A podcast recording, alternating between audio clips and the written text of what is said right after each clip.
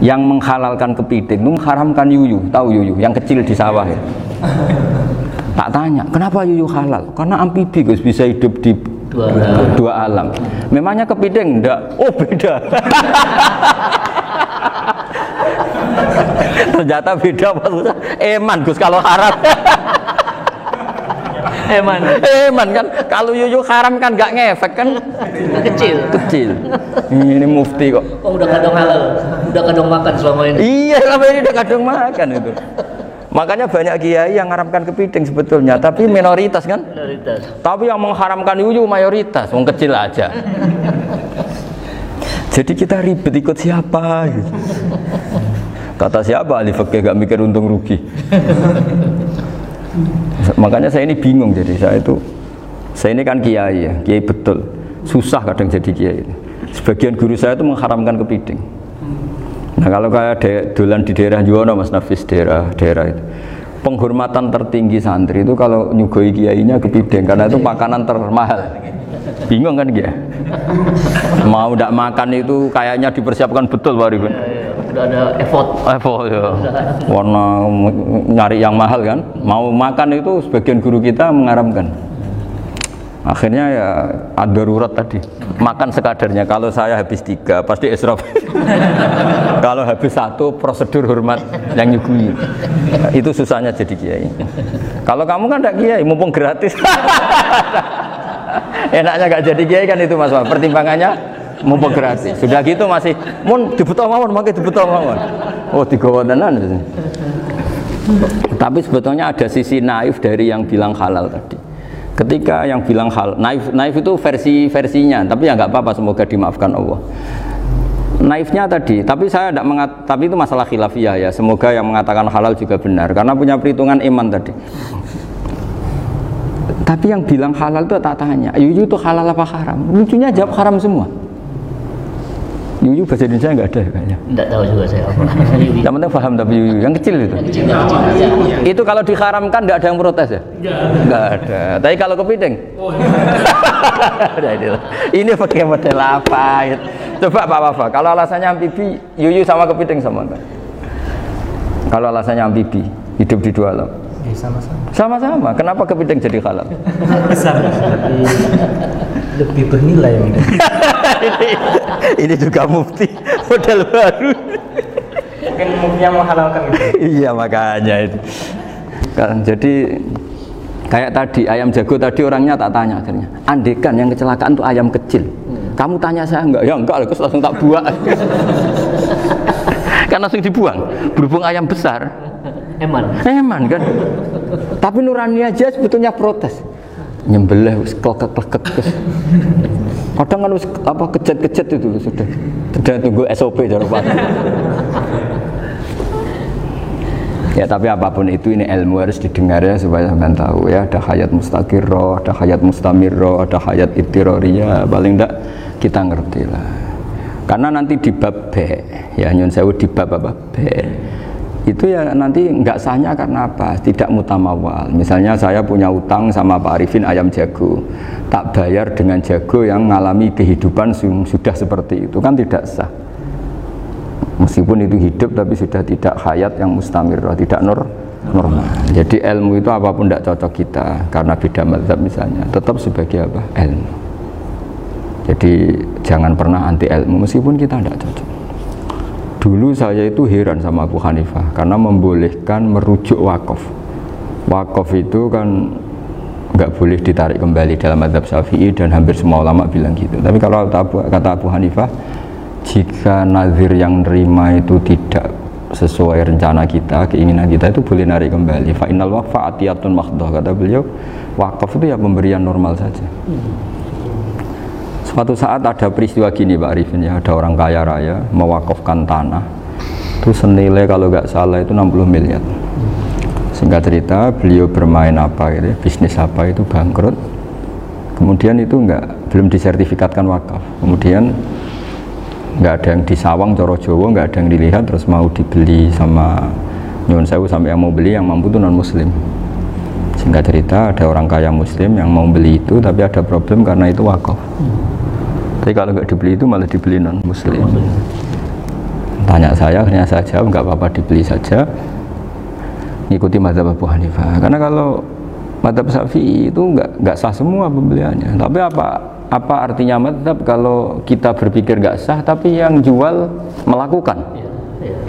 nah itu yang nggak dipikirkan oleh orang-orang fikih yang di Menara Gading apa gunanya kita bilang nggak sah tapi yang punya tanah tadi tetap Menjual. Karena tidak mengindahkan hukum itu mau apa coba Iya. Makanya saya bilang ke bagi Kiai tentang Gus itu nggak ada kaulnya dalam adab Syafi'i saya bilang kamu mengharamkan itu tidak ada gunanya karena itu tetap dilakukan. Jadi kita pertimbangannya ndak itu daripada dikuasai situ mendingan kita. Betul.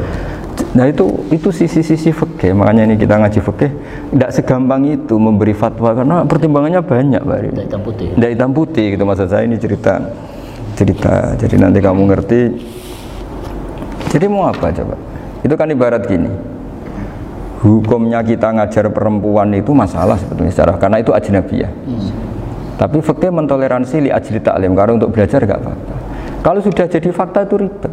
Dia maunya belajar sama kamu dan sekali kamu tidak mau belajar ke yang lain yang potensi menyesatkan. Jadi fikihnya bukan masalah nazar lagi sudah sudah penyelamatan. Ribet kan kalau sudah begitu. Saya punya kenangan yang menurut saya itu harus jadi trauma. Siapa pun harus jadi trauma. Ini cerita cerita sedikit. Ini masih ngaji fikih, pertimbangan. Ada orang tuh sangat khusyuk Pak Arifin. Sangat khusyuknya di rumahnya Pak Wafa itu nggak ada TV, nggak ada motor, nggak ada apa saja. Ketika anaknya berkembang agak dewasa, itu pertama naik motor, itu ya utang jasa sama kawan-kawannya. Pertama dia ngelihat nikmati TV ya dari kawan-kawannya. Corong Jawa, mbek tanggane lah. Padahal orang tuanya ini protektif justru karena banyak tanggane sing ndak pati islami lah. Ya mereka orang Islam tapi ya nggak sholat, nggak apa.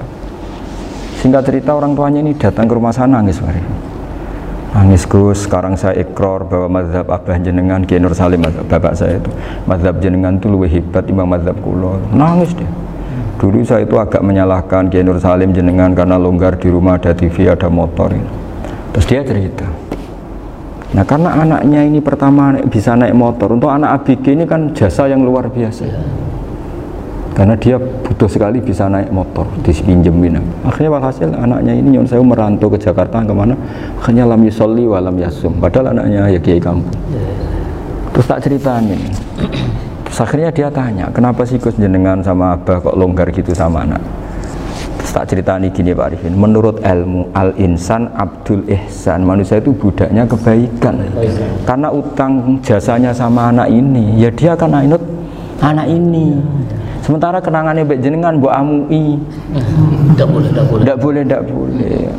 Dia baru ngakui ya Gus saya itu nyun sewu hanya khusyuk tapi kurang ilmu. Tadi dia hanya berdasar khusyuk. Bocah kok main TV kan pikirannya hanya gitu. Ini cerita ilmu saya bukan menjustifikasi mana ini kan cerita ilmu Pak ya. Jadi semuanya itu ada hitung-hitungannya. Coba kalau kita terlalu stakung be anak, anak pertama naik motor jasanya orang nggak sholat ya. Pertama roh TV jasanya orang nggak sholat. Coba terikatnya anak ini sama kita apa sama orang itu? Sama orang itu. Bayangkan kalau umur ABG. Kalau umur sak pun Pak Wafa ini nafsu astagfirullah kan.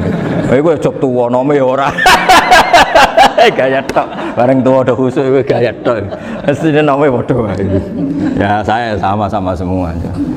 Cuma saya kan lebih jujur dari biasa. Jadi orang tuh harus ngitung gitu. Itu kenapa Mbah Mun tuh kayak alim alama. Setahu saya dalamnya ada TV. Putra putra ini lihat TV. Meskipun kita tidak mungkiri negatifnya TV, kita nggak mungkiri Pak Arifin ya. Tapi tadi ketika anak-anak ABG itu pertama lihat TV jasanya tonggoni. Kalau kebetulan tangganya wong soleh nggak masalah ya. Kalau enggak, itu nangis ke rumah saya itu ya. Nyesel. Nyesel dia. Tapi saya bilang gini, ini jenengan tiang soleh, mesti anak jenengan suatu saat kembali. Coba pola jenengan harus rubah. Ini hebatnya Nabi. Ketika Sayyidah Aisyah masih kecil, minta diperlihatkan likbul habasyah. Itu ya diturutin kan masyur itu. Kayak apa Nabi? Karena kalau nggak diturutin, pasti Sayyidah Aisyah akan ngidolakan mainan yang lain yang di luaran sana malah. Itu karena Nabi punya kearifan tadi. Jadi ini kan ilmu lagi-lagi ilmu jadi yang semua itu harus dibaca dengan ilmu makanya kata Nabi ad-dunya mal'unatun mal'unun fiha illa zikrawah wa ma'alalahu au aliman au muta'aliman karena dunia ini hanya bisa dibaca dengan ilmu yang diridai Allah maksud saya hanya bisa di... Saya itu banyak kenal menteri kenal pejabat tapi saya tidak pernah melihat itu sebagai pejabat melihatnya itu orang yang ingin belajar agama karena sekali salah melihat, yang hidup itu tamaknya Pak Arifin. Yang hidup kan tamaknya. Saya kenal orang kaya kok melihat kayanya, yang hidup itu tamaknya, ingin dapat ini. Dapat. Tapi kalau melihat itu sebagai hamba Allah yang ingin belajar, insya Allah kita selamat dari tamak. Meskipun kita ya manusia tidak sempurna. Setidaknya ketika dia lomo atau tidak lomo, nyalami template apa tidak, tidak ngefek. Karena kita melihat ini mau belajar. Tapi kalau kamu didorong tamak, oh katanya orang kaya ternyata nggak tahu haknya kiai ribet kan? Ribet. Ya kalau kamu punya santri cantik ya lihat itu sebagai santri kamu. Jangan melihat ini mau nggak sama saya kalau ndak ya wah ya ribet kalau gitu. Ini anak-anak muda harus dilatih ikhlas baru bahaya ini santri-santri sampean kalau nggak dilatih ikhlas ini bahaya. Karena ini belum punya penggemar pejabat, paling ya anak-anak yang ya, ya tadi ya BG-BG. Jadi lah Sarah lagi kembali lagi Sarah itu membicarakan itu detail-detail. Jadi ya makanya kenapa orang mati yang lahir langsung meninggal itu nggak wajib disolati. Alasannya fikih ya lucu karena dikatakan sholat mayit di mana mana mayit itu sabakohu hayatun di mana mana namanya mati itu terdahului oleh hidup. Nah ini nggak pernah hidup langsung mati. Jadi fikih itu ya kadang lucu ya gitu aja alasannya. Kamu nyolati apa? Mayit. Kenapa kok mayit? Jadi mayit itu namanya mayit. Orang mati. Orang mati. Orang mati artinya pernah Pernah hidup. hidup. Nah itu Sarah. Jadi ketika matan hanya cerita wasiktu alladzi lam yastahila nggak pernah nangis kayak lam yusolla alaih. Sarah bilang mergo ora tahu urip. Kalau nggak pernah hidup berarti nggak bisa dikatakan Mati. mati. Iya. Kayak sampean miskin itu kan nggak bisa dikatakan bangkrut. ya, ya, ya miskin aja gitu loh. Kan gitu ya. Karena nggak pernah kaya. Enggak udah kaya. Kayak Mas Nafis nggak bisa dikatakan, oh itu Qurannya lupa, lupa gimana? Nggak pernah hafal.